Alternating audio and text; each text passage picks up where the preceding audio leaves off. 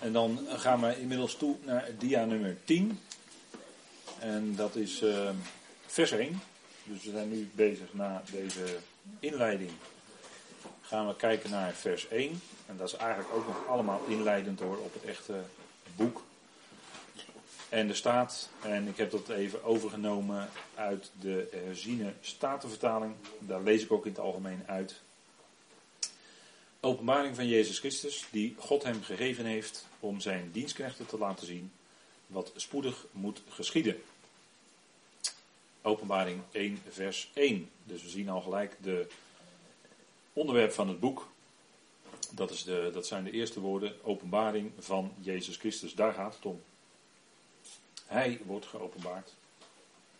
En dat zou onze verlangen ook zijn, dat het gaat om Hem door alles heen beter te leren kennen. En we kunnen misschien in eerste instantie wat geïmponeerd zijn door allerlei dingen die we daarin lezen. Enorme natuurrampen, gerichten. Maar besef dat het gaat om weeën, eigenlijk geboorteweeën, die, die het nieuwe koninkrijk moeten baren. dat is ook een beeld wat de schrift noemt, uitdrukkelijk. Weeën worden ook in openbaring genoemd. En dat is altijd als er een geboorte is, en daarover schrijft Paulus ook hè, in Romeinen 8, daar gebruikt hij datzelfde beeld, dat de schepping zucht. En dan gebruikt Paulus het woord weeën. Hè, er staat in het Grieks het woord odin, of een werkwoordsvorm daarvan, dat weet ik even niet uit mijn hoofd, maar dat betekent pijn. Nou, weeën, dat zijn pijnscheuten. En als het gaat om een geboorte, dan zijn dat behoorlijk heftige pijnscheuten. En dat komt omdat het, uh, dat zijn uh, natuurlijk samentrekkingen van spieren. En dat komt omdat er iets nieuws geboren moet worden. En daarin is eigenlijk elke geboorte van een kindje is een type van de geboorte van het koninkrijk. Ja, ik denk nu aan meerdere dingen tegelijk waar het een type van is. Maar we hebben het nu over openbaring, dus we gaan over het koninkrijk wat geboren moet worden. En, dat gaat voor, en daar gaan geboorteweeën aan vooraf. En hoe dichter bij de geboorte is, hoe erger de weeën worden. Dat weet u wel, hè? En als u nooit een geboorte heeft meegemaakt, ja, dan heeft u misschien iets minder idee ervan. Maar degenen die dat meegemaakt hebben, die weten dat. En als uiteindelijk dan de laatste weeën komen, dat zijn de zogenaamde persweeën, dan komt daarna het kindje ter wereld. Hè? Zo, uh, en dat is ook wat uh, in de geschiedenis gaat gebeuren. Deze oude wereld. En ik ga even door in het beeld. Deze oude wereld is zwanger, want er moet een nieuwe wereld tevoorschijn komen. En dat is wat je natuurlijk elk jaar zich ziet herhalen, ook in de natuur. En dan zien we allerlei prachtige geboortes. Dan zien we weer kleine eendjes in de sloot zwemmen, kleine zwanen in de sloot zwemmen. Allemaal heel leuk. En het is allemaal natuurlijk een type van wat God gaat doen. Namelijk eerst dat het koninkrijk gaat komen. Maar dat op zichzelf is ook weer een type van de nieuwe hemel en de nieuwe aarde, de nieuwe schepping die gaat komen. En dat is ook een stukje typen of typologie in de natuur. Dat zien we gewoon elk jaar zich herhalen. er zijn vogels die zijn dan weg geweest en die komen terug hier, die komen hier nestelen.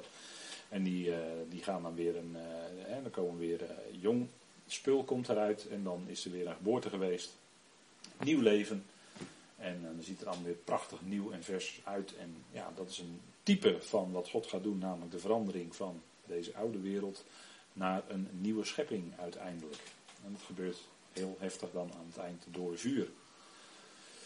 Maar goed, we gaan eerst eh, praten over openbaring. De onthulling van Jezus Christus. En die weeën die worden dan ook uitgebreid in dit boek Openbaring beschreven. Dat zijn geboorteweeën om de nieuwe Messiaanse Rijk te doen geboren worden. En dat is altijd iets geweldigs. Hè?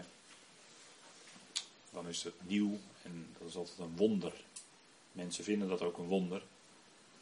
En veel mensen die niet geloven, die vinden het toch een wonder. Maar die zetten dan niet op het geboortekaartje dat het van God komt. En mensen die wel geloven, die zetten het ook niet altijd op het geboortekaartje dat het van God komt. Dat doet me wel eens verdriet, maar dat is mijn persoonlijke notitie dan. Je bent niks verplicht. Maar ik denk daar wel eens wat bij. Hè? Maar goed, ehm, de openbaring van Jezus Christus, die God hem gegeven heeft om zijn dienstknechten te laten zien wat spoedig moet geschieden. Het gaat dan om de verlossing, want er lopen in Nederland ook heel wat verloskundigen rond. Hè? Het gaat om de verlossing van de aarde. Vandaar het woord verlossing, hè? dat ook gebruikt wordt in de verloskunde, de gynaecologie. Dan is het een hele verlossing. Dan is er weer een kindje ter wereld gebracht. Nou, zo is, komt er ook verlossing van de hele aarde. En dat die hele aarde daarmee gemoeid is. Daarom spant het nu ook zo in deze tijd. En daarom is de tegenwerker zich al aardig bezig te roeren, omdat hij weet dat wij daar binnen gaan komen, waar, in de hemel namelijk. En dat hij er daarna ook uitgegooid wordt. Openbaring 12, hè. Dat is nog toekomst. Dat is niet in het verleden al gebeurd. Niet de woorden van de Heer Jezus in Lucas 10 verkeerd uitleggen. Hè? Dat hij zegt, ik zag de Satan als een bliksem uit de hemel vallen. Moet je niet uitconcluderen dat Satan dus nu op aarde is. Dat is een helemaal foute conclusie. Want het gebeurt pas in openbaring 12. Dat is allemaal nog toekomst. Maar goed, Lucas uh, laat ik ook even liggen voor nu. Maar verlossing van de aarde, dat gaat gebeuren. En dat gaat gebeuren vanuit Israël. De koninkrijken van deze wereld, die hebben we besproken in Daniel. En het laatste koninkrijk is dat van de antichrist. En dat zal teniet gedaan worden als hij komt. Als die steen die zonder handen is losgemaakt. Weet u wel, Daniel 2. En dan zal al die koninkrijken, dat hele beeld van Daniel 2, zal hij verpulveren. De verlossing van de aarde. Het is de openbaring van Jezus Christus, zien we op deze dia.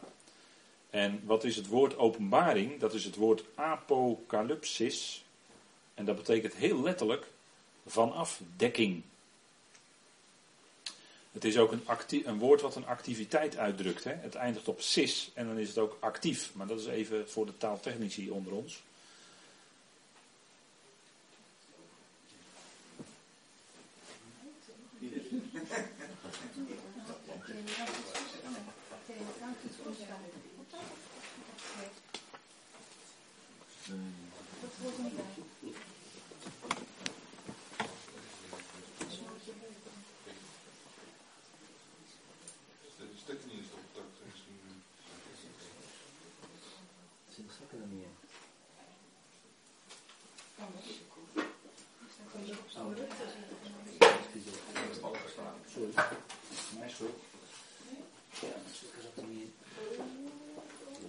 hij zegt, oh,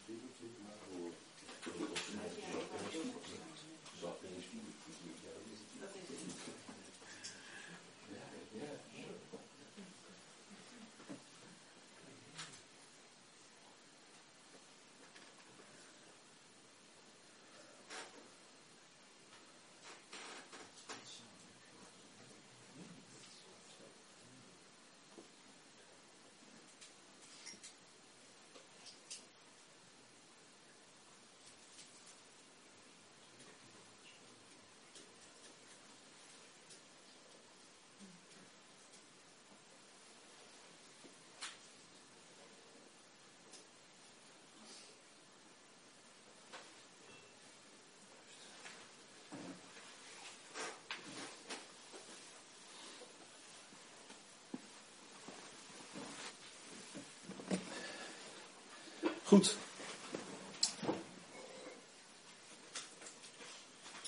Openbaring van Jezus Christus. Dat betekent, uh, het woord betekent letterlijk dus vanaf dekking. Dat wil zeggen, de bedekking wordt weggenomen. Het is dus een onthulling. Zoals een standbeeld eerst verhuld is door een doek. Maar als je het doek weghaalt, dan wordt het standbeeld onthuld hult. Dan wordt de omhulling wordt weggenomen. Dat betekent het woord apocalypsis. En dat is eigenlijk het openingswoord van dit boek. Openbaring, dus betekent eigenlijk onthulling van Jezus Christus. Hij was namelijk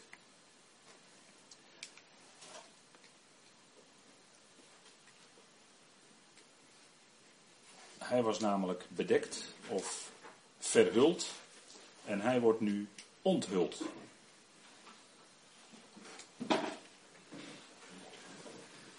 Even uithalen en opnieuw erin doen. Dat, uh.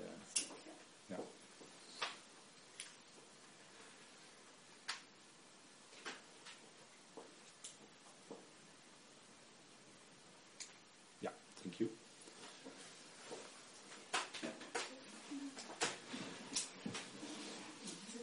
En de onthulling, uh, dan zegt u ja, is hij dan nu bedekt? Ja, voor ons niet. Voor ons niet, want wij lezen de schrift. Maar voor de wereld wel. En voor Israël ook. En als we dat even in de vogelvlucht zien, dan zien we in de wet en de profeten maakte God zich openbaar. Hij spreekt aan Israël en via Israël was de bedoeling ook aan de volkeren. Dan komt de komst van Jezus Christus. Die sprak ook. Hij werd verworpen en hij voert ten hemel. En sindsdien zou je kunnen zeggen, is God of is Jezus Christus, zijn God en Jezus Christus verborgen. Um, de verborgenheid, vandaar dat deze tijd ook het beheer van het geheimenis wordt genoemd, van de verborgenheid. Wat is het grote kenmerk? God zwijgt. En Christus is verborgen. En dan zegt u ja, voor ons niet. Nee, dat klopt. Want wij zijn in contact gekomen met Christus en God. Maar voor de wereld, over het algemeen, zwijgt hij. En de wereld trekt dan vervolgens de conclusie dat God er dan misschien wel niet zal zijn. En zelfs theologen van naam, die zeggen dat ook. Hè? Karel de Linde. Ja. Hendriksen. Ja. C.J. Den Heijer. Nog doorgaan? Nou, voorlopig alweer genoeg, hè. Maar die denken dan ook, uh, door de twee zullen, die begonnen mee, dat werd, officieel tot theologie verklaard. Door de twee zullen. Maar goed, uh, die, legden het, die begrijpen het zwijgen van God niet. Ehm, eh, die, die kunnen dat niet rijmen. Hè? Dan, dan zeggen theologen dat ze maar niet kunnen rijmen. Dat ze in de Bijbel lezen dat God liefde is. En dat er toch zoveel ellende, rampspoed en lijden in de wereld is. En dan kunnen zij niet met elkaar rijmen. En daar trekken zij de verkeerde conclusie. Ja, dan zal God misschien wel niet bestaan. Maar dan zeg ik op mijn beurt, wat heb je dan nog op een kansel te zoeken? Dan heb je helemaal niks te zoeken. Dan heb jij in je Bijbel ook niks. Die kan je dan ook wegdoen of in de kast zetten. Maar eh, je kan volgens mij maar alleen echt op de kansel staan als je zelf echt gelooft dat God er is en dat zijn zoon Jezus Christus er is. dat je dat echt gelooft. Dat wil zeggen dat je dus ook met hem contact hebt. En dat je zijn woord dus daarop naslaat. En dan heb je ook wat te vertellen. En anders heb je volgens mij heel weinig te zeggen. Maar goed, dat terzijde. Maar dat is wel even een subopmerking hierbij. God zwijgt en Christus is verborgen. En dat duurt tot aan, of tot en met de wegrukking van het lichaam van Christus. Want ook die wegrukking, die hoort bij het geheimenis. Die hoort bij de verborgenheid. En de verborgenheid is een wat moeilijk onderwerp in de schrift, voor sommigen. Want dan zeggen ze ja, het is geheimenis, dus het is geheim. Dus, je, maar, dus uh, van de verborgen dingen zijn voor de Heer onze God. Hè? En dan wordt de Deuteronomium ineens erbij gehaald.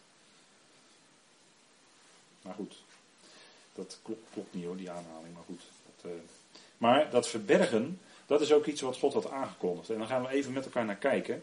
Namelijk dat hij zijn aangezicht zou verbergen. En we doen dat, en het staat al in de Torah, in Deuteronomium 31.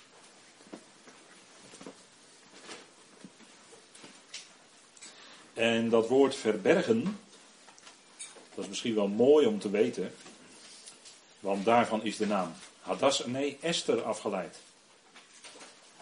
Esther. Esther is namelijk afgeleid van het Hebreeuwse woord satar. Samech tet resh. En dat woord, dat betekent verbergen. En dat is ook helemaal het boek Esther. Want in het hele boek Esther vinden wij de naam van God niet terug. Ja, wel in een, ja, daar hebben we het weer. Wel in een verborgen vorm. Een keer of vijf. Dan vinden we wel die naam terug. Maar de naam van God wordt in het hele boek Esther, vandaar dat het ook Esther wordt genoemd, vinden wij niet terug. vandaar ook de verandering van een naam. Ze heette eigenlijk Hadassah, dat betekent mitte. Maar Esther, dat betekent verbergen. Dat is afgeleid van verbergen. Wordt altijd gezegd, ja, sterretje. Maar ook een ster is eigenlijk verborgen. Je ziet, het, je ziet wel het licht van de ster, maar de ster zelf zie je niet. Ook verborgen. Dus dan klopt het ook weer wel. Hè? Maar satar is het woord voor verbergen. En dat woord komt onder andere voor in Deuteronomium 31.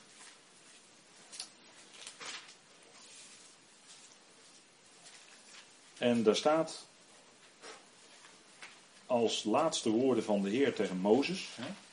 Er staat, en de Heer zei tegen Mozes, uh, vers 16, Deuteronomium 31, vers 16.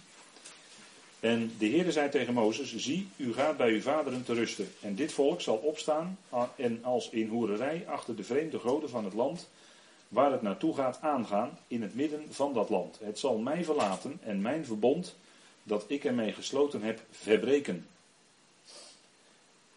Dan zal mijn toren op die dag tegen hen ontbranden. Ik zal hen verlaten en mijn aangezicht voor hen verbergen.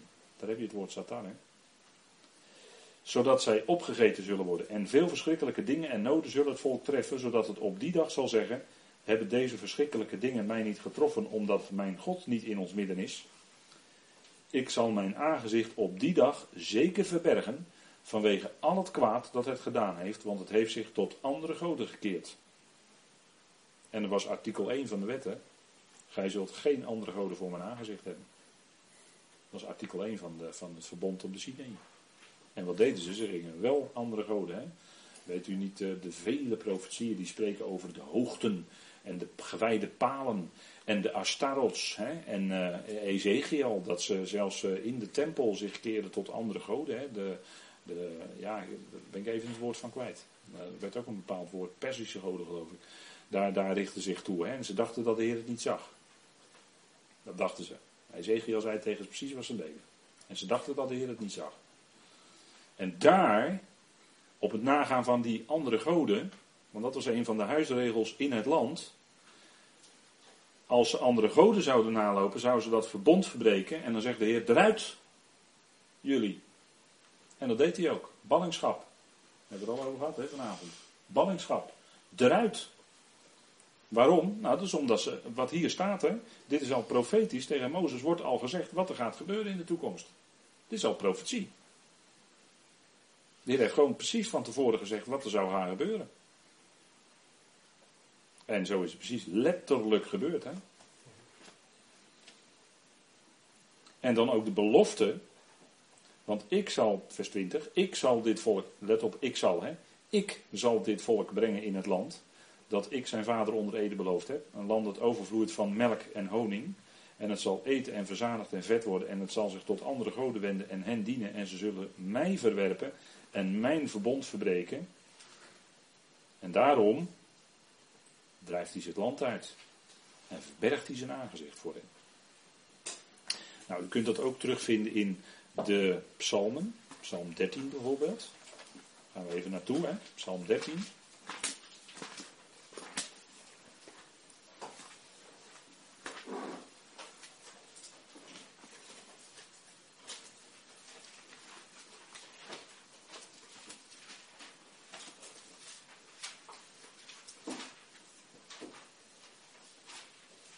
dat is ook, uh, denk ik wel eens, het, het, zuchten, het verlangen van ons hart. Hè? Niet, uh, niet, niet, uh, niet, niet het vergeten en het verbergen, maar wel hoe lang. Hè? Dat hoe lang, dat kennen wij ook denk ik wel. Dat we dat wel eens zo verzuchten. Een psalm van David, psalm 13 vers 1. Voor de koorleider, hoe lang, heren, zult u mij voor altijd vergeten? Hoe lang zult u uw aangezicht nog voor mij verbergen? Daar hebben we het weer, verbergen, satar. Hoe lang zal ik nog plannen maken in mijn ziel, verdriet hebben in mijn hart dag na dag? Hoe lang zal mijn vijand zich nog boven mij verheffen? Zie mij aan, verhoor mij, Heere mijn God, verlicht mijn ogen, anders ontslaap ik in de dood. Anders zegt mijn vijand, ik heb hem overwonnen en verheugen mijn tegenstanders zich wanneer ik wankel.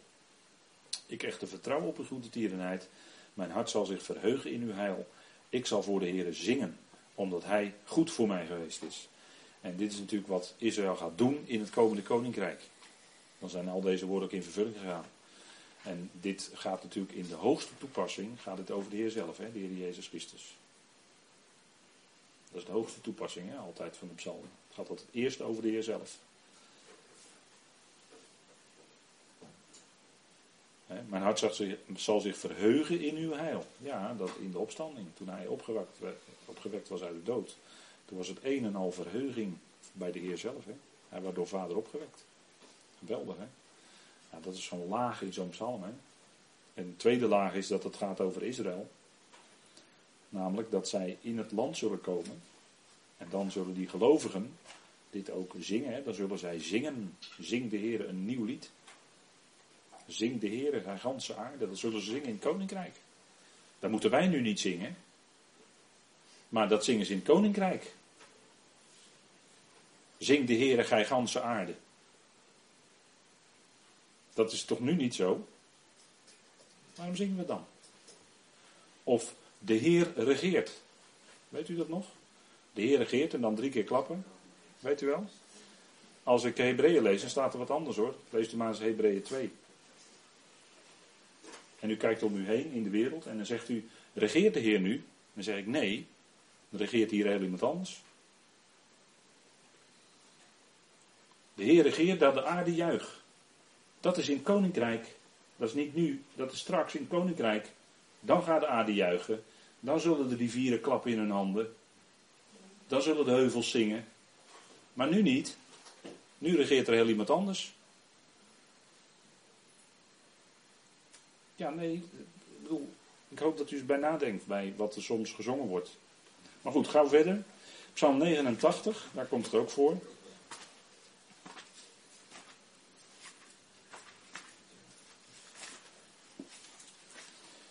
Psalm 89 en dan vers 47. Psalm 89, dat wordt altijd een zeer duistere psalm genoemd binnen de uitleg. Vers 47. Ook weer zo'n zucht van Israël, hè? dit. Hoe lang, heren? Ook weer dat hoe lang, hè? net als in Psalm 13. Zult u zich voor altijd verbergen? Daar hebben we het weer, hè? Zat daar. Zal uw grimmigheid branden als een vuur? Bedenk hoe kort mijn levensduur is. Waarom zou u alle mensenkinderen tevergeefs geschapen hebben? Welke man leeft er die de dood niet zal zien? Die zijn ziel bevrijden zal uit de greep van het graf? Sela staat erbij, hè? Let op, hè? Sela.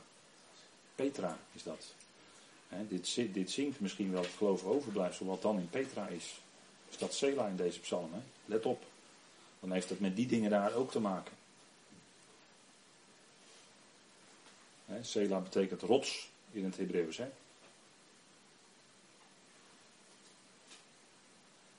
Het is daar rotsachtig in Sela, als u daar wel eens geweest bent, in Petra en Jordanië. Het is allemaal rotsen, stad in de rotsen uitgehouden, je weet niet wat je ziet. Maar het is wel fantastisch als je beseft dat Israël, gelovig overblijfsel, daar bewaard zal worden 1260 dagen lang. Dat is natuurlijk wel heel bijzonder. En dan zullen zij dit ook zingen als ze het moeilijk hebben. Want dan zal de dood inderdaad rondgaan in die tijd. En vandaar dat ze dan bidden, welke man leeft er die de dood niet zal zien, die zijn ziel bevrijden zal, uit de greep van het graf. Want in de grote verdrukking, nou, nou, nou, nou, nou. Dan gaan we even naar spreuken. Spreuken 25.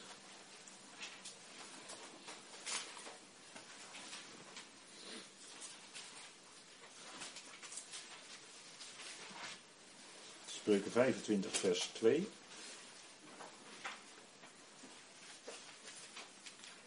En daar staat: Het is Gods eer een zaak verborgen te houden. Maar de eer van koningen een zaak te doorgronden. God heeft de periode waarin het lichaam van Christus geroepen werd lang verborgen gehouden. Maar op een gegeven moment kwam het toch. Maar dat is Gods eer, om het zo lang verborgen te houden en dan op zijn tijd gaat de gemeente geroepen worden. In het beheer van het geheimnis. In de tijd van genade. Het is Gods eer een zaak verborgen te houden, maar de eer van koningen, van regerders een zaak te doorgronden. Nou goed, ehm, dan gaan we even naar Jezaja. Noteert u Jezaja 8 vers 17. Maar we gaan lezen Jezaja 54 vers 8. In Jezaja 8 vers 17 komt ook het woord verbergen voor, Sata.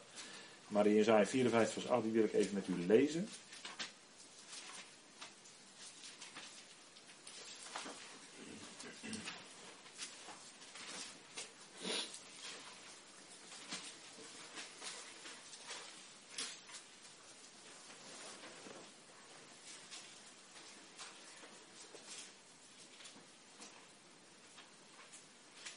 En daar zien we dat de Heer, dat is een, profetie hè, over het Messiaanse Rijk in feite, een, een aanzegging.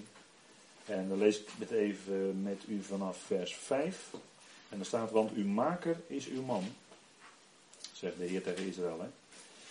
De Heer van de legermachten is zijn naam. Uw verlosser is de heilige van Israël. De God van heel de aarde zal hij genoemd worden. Want als een verlaten vrouw, een bedroefde van geest, roept de Heer u de vrouw van de jeugd die afgewezen was, zegt uw God.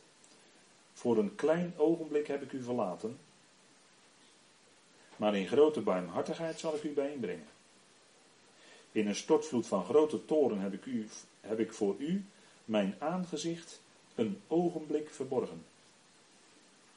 Dus zelfs die periode van 2000 jaar wordt hier genoemd een ogenblik. Dat is toch wel apart, hè? Maar er staat er ook met eonische goede tierenheid zal ik mij over u ontfermen, zegt de Heere uw verlosser. En het woord verlosser is eigenlijk heel mooi, want er staat eigenlijk Goel. Goel, de Goel. Dat is de losser. Dat, is, uh, dat weet u wel, hè? Boas en Rut. Prachtige geschiedenis. Boas bleek de losser te zijn. U weet waarschijnlijk ook wel dat er nog een losser was nader dan ik, hè, zegt Boas dan. Er is nog een losser nader dan ik. Dus er was kennelijk nog iemand in die familie die het eerst in aanmerking kwam om uh, met Rut in het huwelijk te treden. Maar Boas zei, eerst ga ik naar die toe en die bleek dus niet, dat die, op een of andere manier ging die uit beeld. Dat heeft natuurlijk ook wel iets te betekenen. Maar uiteindelijk Boas bleek dan de losser te zijn. En is natuurlijk een geweldig type van de Heer Jezus Christus. Net als Rut een prachtig type is van het volk Israël. Hè. Vandaar dat het boek Rut ook gelezen wordt bij Shavuot. Of dacht ik, hè, bij Shavuot. Wekenfeest. Ja, het wekenfeest wordt volgens mij Rut gelezen. Maar goed. Mooi boek. Maar daar wordt ook gesproken over de Goel. Dat is de losse. En heel merkwaardig, datzelfde woord Goel in het Hebreeuws, dat wordt ook vertaald met bloedwreken. Dat is eigenlijk hetzelfde woord. Heel vreemd is dat. Maar dat is eigenlijk het hoofd van de familie. En alleen het hoofd van de familie was in staat om te lossen, te verlossen. En omdat de Heer Jezus Christus, want over hem gaat het dit allemaal, de hoofd is van de familie, namelijk van de mensheid, is hij de enige die in aanmerking komt om die mensheid ook te verlossen. Het eerste hoofd van de familie, Adam, die had gefaald. Daarna kwam de laatste Adam als het hoofd van de familie, als de zoon des mensen, als Adam, als de zoon van Adam. En als zodanig was hij de enige die die hele mensheid weer kon loskopen, kon verlossen. En daarom zal hij ook komen als de grote Goel om zijn volk te verlossen. Te lossen, verlossen. En dat, uh, dat woord heeft ook alles te maken met belofte. Het is hij die komt als de beloften, dan worden de beloften ook vervuld. dat woord Goel, die Gimel en die Lamet, die hebben te maken met beloften. De belofte die vorm krijgt. En als vervuld wordt, dan is het een Goel. Ja, dat zijn geweldige beelden hoor in de schrift. En dat wordt hier ook gezegd. Hè. Hij komt als verlosser van Israël. En eigenlijk komt hij als verlosser van heel de mensheid. Hij komt, zegt Matthäus ook, hebben we gezien, als de zoon des mensen. Matthäus 24. Hè. Wanneer de zoon des mensen komt met grote macht en heerlijkheid, dan komt hij ook om zijn volk te verlossen. Goed, nou we gaan gauw door. De laatste twee. Ezekiel 39. Ezekiel 39. Jezaja, Jeremia, klaagliederen. Ezekiel. Het rijtje kende u nog wel, hè? Van.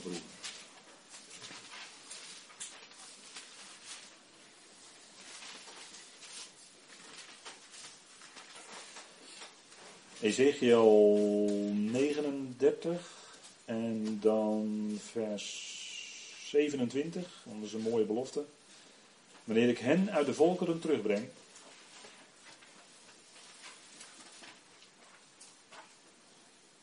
En hen bijeenbreng uit de landen van hun vijanden. Zal ik door hen voor de ogen van veel heidevolken geheiligd worden. Wanneer gaat dit gebeuren? Wanneer gaat dit gebeuren? Ja, aan het begin van duizendjaarrijk, hè? of in aanloop naar het duizendjaarrijk. Dus niet nu, hè. Dan zullen zij weten dat ik de Heer hun God ben, omdat ik hen onder de heidevolken in ballingschap voerde, maar hen ook weer verzamelde in hun land en niemand van hen daar ginds nog liet achterblijven. Dat is het werk wat de Heer dus zelf gaat doen. Hè? Dat is dus niet wat nu gebeurt vandaag. Hè? Er zijn wel alia's enzovoort. Maar dit is niet de vervulling. Wat nu aan alia's gebeurt, is niet de vervulling van wat hier staat. Dat is pas als de laatste jaarweek geweest is. Pas dan zal hij hun terugverzamelen naar het land. Staat ook in Matthäus 24, daar kunt u het mee aantonen. Hè? Dat is niet nu. Straks. Dan, pas dan. Nou, ik zal, en dan staat er in vers 29, ik zal mijn aangezicht niet meer voor hen verbergen. Dus daarvoor deed hij dat wel. Wanneer ik mijn geest over het huis van Israël heb uitgestort, spreekt de Heere, Heere, Adonai Yahweh. Dus pas dan, als hij hem terugverzameld heeft, pas dan zal hij over een uitstorten de geest van de genade en van de gebeden, zoals in Hosea staat, hè? En dan hebben we tot slot, gaan we gauw verder, Micha, Hosea, Amos, Obadja, Jona, Micha. Dat rijtje is dat. Micha. Wie is als God, hè? betekent dat wie is als ja.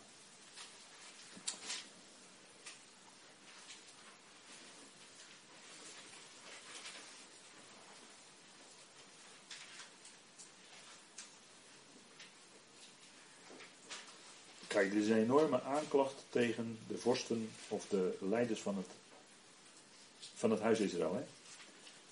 Micha 3 vers 1. Toen zei ik, luister toch, hoofden van Jacob en leiders van het huis van Israël, behoort u niet het recht te kennen? Zij haten het goede en hebben het kwade lief. Zij stropen hun huid van hen af en hun vlees van hun beenderen. Ja, zij zijn het die het vlees van mijn volk eten, hun huid van hen afstropen, hun beenderen breken, ze uiteenleggen als in een pot, als vlees midden in een ketel. Dan zullen zij tot de Heer roepen, maar hij zal hen niet antwoorden.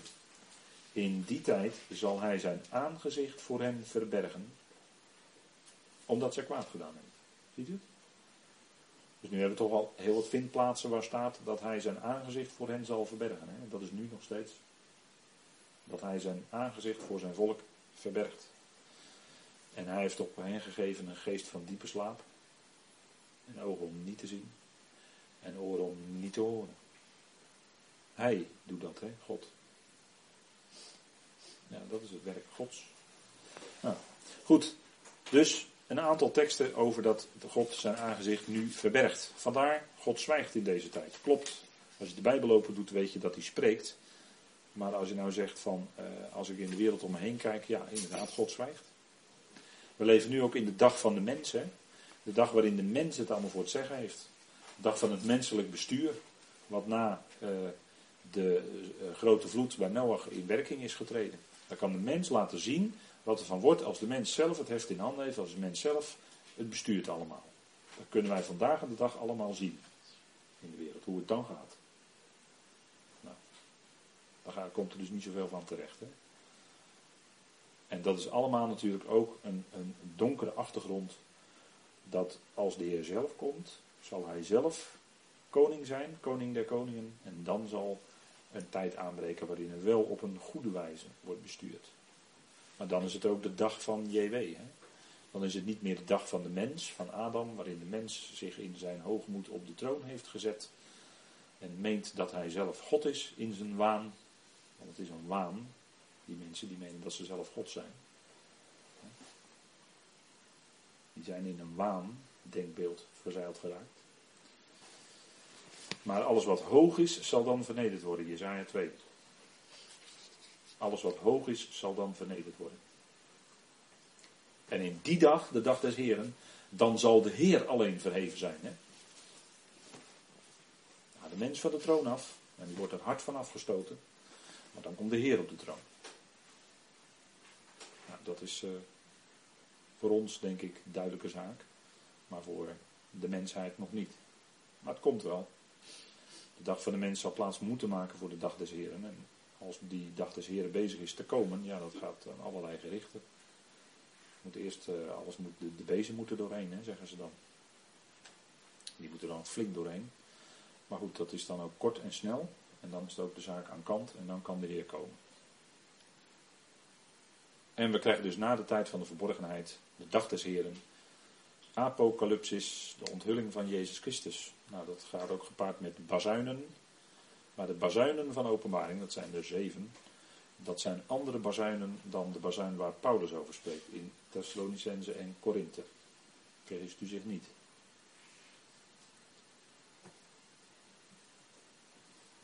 Dat is een shofar, hè? je ziet hier een beetje een gestileerde, kunstzinnige afbeelding van een shofar. Dat is eigenlijk een ramshoren. Het is als de ram is overleden, dan is de horen eraf, maar de ram spreekt nog steeds, want er wordt op zijn horen geblazen. Mooi hè? Gedachten zitten er allemaal in hoor. Maar goed, de openbaring van Jezus Christus. We zoomen in op de naam, want die naam is natuurlijk geweldig en dat zouden we ook niet missen. En dat mogen we ook absoluut niet missen. Jezus betekent, is een geweldige naam, betekent JW, het tetragrammaton, de vierletterige naam.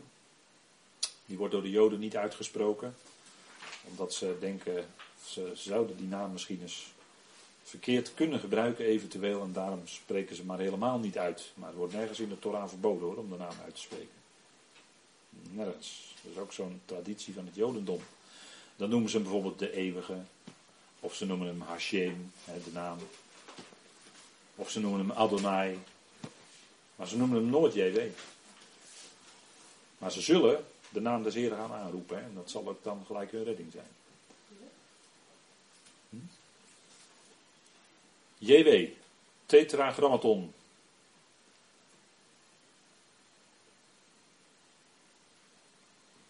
Wordt wel eens uitgesproken als Yahweh. Maar de transcriptie is, een goede transcriptie is JW. Dus de I voor de J, de E voor de He, de U voor de Waf en de E weer voor de H. En dat is een samengestelde naam. En die naam komt ook naar voren in hoofdstuk 1 van Openbaring. Namelijk in die naam zitten zowel verleden, dus hij was, als het heden, hij is, als de toekomst, hij komt. Dat zit allemaal in die naam. Daarom is het ook zo'n bijzondere naam. De getalswaarde is 26, 10, 5, 6, 5. En uh,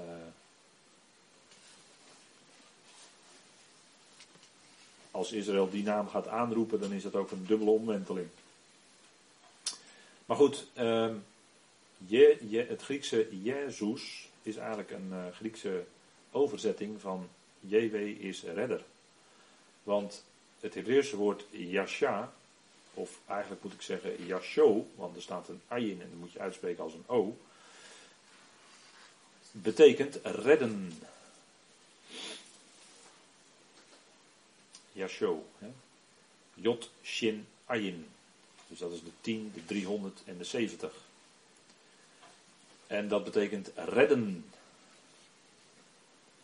En het woord redding, dat vond ik toch wel aardig om dat erbij te zetten. Als je dat uitspreekt, is het Yeshua. Dat is het Hebreeuwse woord redding. Als je het uitspreekt, klinkt het zo. Yeshua. Mooi hè? Ik vond het toch wel heel mooi klinken. Redding. Nou, die Jehoshua of Yeshua is dus een samentrekking eigenlijk van JW en redden. Want u ziet dat de Jot, de Waf en de He, die zitten in het woord Yeshua en die zitten ook in het woord JW.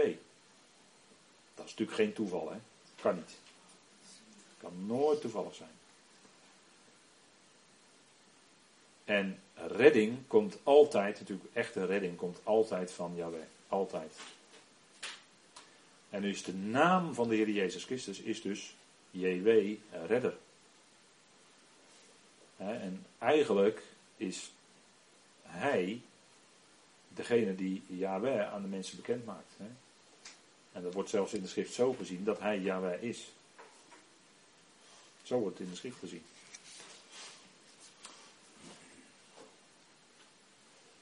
Dus hij, JW is redder, wordt onthuld. Dus eigenlijk staat er boven dat grote boek Openbaring met al zijn gerichten, staat dat hij komt, Jezus Christus als de redder. Hij komt, dat is zijn naam. Jezus is een redder. Een stuk geweldig. Hè? Hij komt om te verlossen. Dat is ook de functie van gerichten in Gods plan. Dat is altijd tot herstel. Een gericht of een oordeel is nooit iets op zichzelf staans, maar is altijd met het oog op herstel. Dat is ook wat ik, waar ik vanavond mee begon, het gericht van Genesis. Wat in Genesis 1 beschreven, of de uitwerking van het gericht. Maar daarna ging hij ook herstellen. En hebben we de dagen uit Genesis 1. Nou, JW wordt in de schrift gezien als hij is Jezus Christus. Want zoals er in het tenag gezegd wordt dat hij die, dat JW hij die is die was, die is en die komt, hè, dat hij de eerste en de laatste is, zo wordt het ook van de Heer Jezus Christus gezegd. En een bewijstekst vindt u bijvoorbeeld ook in Johannes 12, want Johannes zegt dan iets en dan zegt hij, en dan citeert hij Jezaja, hij heeft hun ogen verblind en hun hart verhard, opdat ze met hun ogen zouden zien, opdat zij niet met hun ogen zouden zien, en met het hart inzien en zich bekeren en ik hen zou genezen. Dat is een citaat uit Jezaja 6. En dan staat erbij, dit zei Jezaja toen hij zijn heerlijkheid zag en over hem sprak. En dat zegt Johannes dan over de Heer Jezus. En toen Jezaja de heerlijkheid zag, zag hij Yahweh zitten op een hoge en verheven troon. Jezaja 6 moet u maar eens lezen. Een kort stukje, acht versen. En in Johannes 12 wordt dus gezegd dat die Yahweh die Jezaja zag, dat wat Jezaja zag was eigenlijk de Heer Jezus Christus in zijn heerlijkheidsgestalte.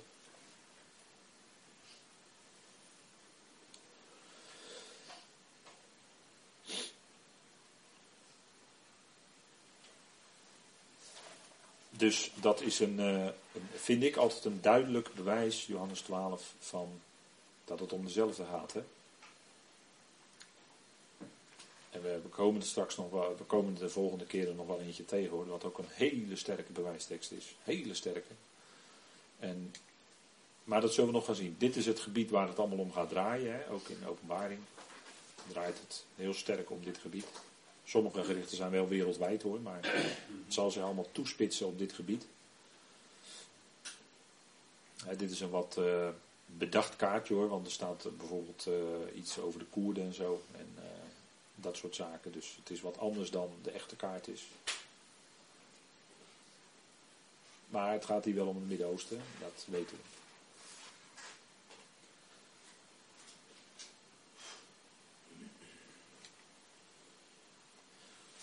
Goed, nou we hebben even gekeken naar de naam, hè, die geweldige naam van de Heer, hè, Jezus, wat dat betekent. Yahweh is redder. En dan gaat het dus om de openbaring van Jezus Christus. De, de titel, om het zo maar te zeggen, Christus wordt eraan toegevoegd. En Christus is de gezalfde. En wie werden er gezalfd? Nou, profeten. Strikt genomen was het er maar één, Elisa, in het in Tenach. Die werd gezalfd. De priesters en de koningen werden gezalfd. En hier zien we waarschijnlijk een plaatje dat David, zo te zien, wordt gezalfd tot koning. Dat gebeurde trouwens twee keer. We hebben twee keer gezalfd, hè, David. Maar goed, dat uh, moet u maar eens nazoeken. En Christos, hè, Christos, het Griekse Christos, weerspiegelt natuurlijk het Hebreeuwse Mashiach. En het Hebreeuwse Mashiach betekent uh, gezalfde, dat betekent gewoon hetzelfde. En Christus is dan de Griekse aanduiding van gezalfde. Grio, Grio, Christus. Daar komt het vanaf. De priesters werden gezalfd, eh, dat heb ik al eerder vanavond gezegd. Exodus 30 staat die, dacht ik ergens in 30 staat die heilige zalfolie beschreven. Koningen werden gezalfd. Tot ook zelfs heidense koningen trouwens hoor. Heel merkwaardig soms. Sommige keren een heidense koning gezalfd. En, en koning Kores of Cyrus wordt ook genoemd mijn gezalfde. Mijn Messias, moet je nagaan. Omdat hij precies ging doen wat hij moest doen. Kores, Cyrus. En we zien hem dan in openbaring gezalfd tot, en dit staat gewoon ook in uw uh, structuur, hè, in bijlage 1, in de uitgebreide structuur. Want daar zien we dat hij, of in, sorry, bijlage 2, ik vrees me weer, bijlage 2, daar ziet u staan dat hij profeet, koning en priester is. Profeet als hij de boodschap aan de Ecclesia's brengt. Want je zou dit eigenlijk kunnen zien, het hele boek Openbaring, als een boodschap aan de Ecclesia's. Aan die zeven Ecclesia's. daar opent het boek mee en daar sluit het boek ook mee af. de afsluitende woorden blijkt gewoon dat het eigenlijk dat hele boek Openbaring gericht is in de eerste instantie aan die zeven gemeentes. Die zeven Ecclesia's die er dan zullen zijn. Dus profeet, boodschap aan de Ecclesia's. Dus hij spreekt als profeet, dan als koning in de beide troongedeeltes. Waarin hij komt en hij zal blijken te zijn de koning der koningen, staat er dan in. En de heer der heren. Ook een prachtige aanhaling uit Jezaja, meen ik. En priester, als hij bij de tempelgedeeltes religieuze verlossing brengt, dan zijn de gerichten ook intenser trouwens. Dan zijn de gerichten erger in het tempelgedeelte. Omdat het daar gaat om de religieuze afval van Israël. Waarin zij worden afgebeeld als de ontrouwe vrouw. Die zit op dat scharlakenrode wilde beest. Dat is het ontrouwe Israël, hè? het afvallige Israël. Ze zijn afgevallen van Yahweh. En ze hebben zich ingelaten met uh, ze gebruiken, kan ik het ook zeggen, andere religies, andere goden of godsdiensten. En zij zijn in dienst, of zij zijn aan de macht gekomen. Een grote macht, de Gouden Kerk, door geld. Heel erg veel geld. Dat is hun macht. En ze hebben iedereen in de schulden gebracht. En de bedragen die kun je alleen maar niet meer voorstellen, die allemaal genoemd worden. Het gaat om biljoenen. Ze brengen iedereen in de schulden. En straks is iedereen onder die, door die schuld zullen zij, en dat is nu al zo achter de schermen hebben zij de touwtjes in handen. Maar goed, eh, openbaring wordt er gezien dus als de afvallige vrouw. En vandaar dat het gericht ook zo heftig en ernstig is omdat het daar gaat om de religie. Ze zijn afgevallen van Yahweh en ze zijn andere goden gaan dienen. Of dat nou geld is, dat maakt helemaal niet uit. Dat is ook een afgod. Hebzucht is afgoderij. Ook hoor. Je hebt vele vormen, maar hebzucht is er ook eentje van. En, en eh, de, de zucht naar geld is een wortel van alle kwaad. Niet de, maar een wortel van alle kwaad, hè, zegt Paulus tegen Timotheus. Jacobus zegt tegen de twaalf stammen in de verstrooiing: Uw rijkdom is verrot. Ik zeg gewoon zoals het staat. Uw rijkdom is verrot. dat, dus de schrift is gewoon erg duidelijk hoor, als je die erop naslaat. Dus in dat tempelgedeelte, dus dan gaat het om de religieuze verlossing van de aarde. Ja, daar komt heel ernstig gericht om dat de Heer dat heel hoog opneemt. andere goden voor mijn aangezicht. Het is een gruwel. Het is een gruwel voor jou. Gruwel voor God. De openbaring die van Jezus Christus, die God hem gegeven heeft om zijn dienstknechten te tonen wat spoedig moet geschieden. Dus God heeft dat aan Jezus Christus gegeven en die heeft het op zijn beurt weer aan Johannes en zijn slaven gegeven. En dat is om aan zijn dienstknechten, aan zijn slaven te tonen. Om zijn dienstknechten, zijn slaven te tonen en te betekenen. Wordt het woord, daar zit het woord teken in. Maar er worden in openbaring maar een beperkt aantal tekenen genoemd. Daar zullen we dan de volgende keer wel op ingaan, omdat het tijd is inmiddels. Maar wat spoedig moet geschieden. Dus spoedig betekent snel. Dat betekent als het gaat gebeuren, wat in openbaring staat, dan gaat het heel snel. En uh, dat is wat wel eens over het hoofd gezien wordt. Door het woord spoedig denk, denkt iedereen dat toen Johannes dat schreef, dat het, snel, dat het heel binnenkort ging gebeuren. Maar er is al 2000 jaar voorbij. Hè? Maar het betekent eigenlijk, als het gaat gebeuren, gaat het heel snel. Snellijk, zeiden wij. Snellijk, ja. Snellijk. ja. In het Engels is het swiftly. Uh, ja, er staat uh, tagos. Dat is niet helemaal, ja, zou je met sneller kunnen vertalen. Maar wat dus snel moet gebeuren. En dat is ook wat gezegd wordt van zijn komst. Dat als hij komt, gaat het ook heel snel. En wat moet geschieden. Dus dit is absoluut. Wordt in het Grieks dei gebruikt. Dat is een hele sterke uitdrukking. Dit moet gaan gebeuren. Er is geen ontkomen aan deze dingen die in de openbaring beschreven staan. Die moeten gebeuren. Het ligt vast. En, en dat is absoluut dit is echt een heel sterk begrip hoor. Het is geen twijfelmogen, het is geen voorwaardelijk iets. Dit gaat gewoon gebeuren. En als het gebeurt, en dat is het geweldige vind ik, want dat zegt iets over wie God is. Als het gebeurt, gaat het heel snel. Kijk, we hebben nu 2000 jaar genade achter de rug. Genadetijd. En als het dan gericht komt, gaat het ineens snel. Wat zal het duren? Zeven, ja, iets langer. Zeven jaar op zijn minst, maar ietsje langer. Hoe lang langer weet ik niet, maar wel wat langer. Maar het is afgezet tegen de 2000 jaar, waar we nu al hebben gehad, hè, is het een hele korte, felle, snelle tijd. Alles gaat heel snel. En uh, daarna krijgen we weer een periode van de Sabbatsrust hè, in de duizend jaar. Dan is het duizend jaar lang shalom. Het staat ook ergens in de psalmen dat een ogenblik duurt zijn toren zijn verontwaardiging. En een leven lang zijn goede tierenheid. Dus eh, zet het maar eens tegen elkaar af. Een ogenblik, is misschien een paar seconden. Kan de, Heer, de Heer kan in een, leven, in namelijk in een paar seconden ingrijpen. En dat kan voor jaren verstrekkende gevolgen hebben. Maar het kan in een paar seconden gebeuren. Dat de Heer iets doet in uw leven. En dat het heel lange gevolgen kan hebben. Maar mijn genade is hier genoeg, hè, zei de Heer tegen Paulus. Die had ook een, eh, die had ook een skolops in zijn vlees. Hè. Een skolops, weet u wat dat is? Dat is een doorn, hè, een splinter. Had hij in zijn vlees zitten. Die, dat was een bode van de tegenstander die hem met vuisten sloeg. Nou, dat, daarvoor heeft hij drie keer gebeden. Maar de Heer zei, mijn genade is je genoeg, Paulus. En zo is het eigenlijk ook met ons. Hè. De omstandigheden waarin we zijn, zijn vaak niet makkelijk. Lijden en verdrukking, in welke vorm dan ook. Maar zijn genade is genoeg. En we hebben het vaste vertrouwen als gelovigen dat wat er ook aan lijden en verdrukking in ons leven plaatsvindt, is dat zijn liefde nooit vermindert.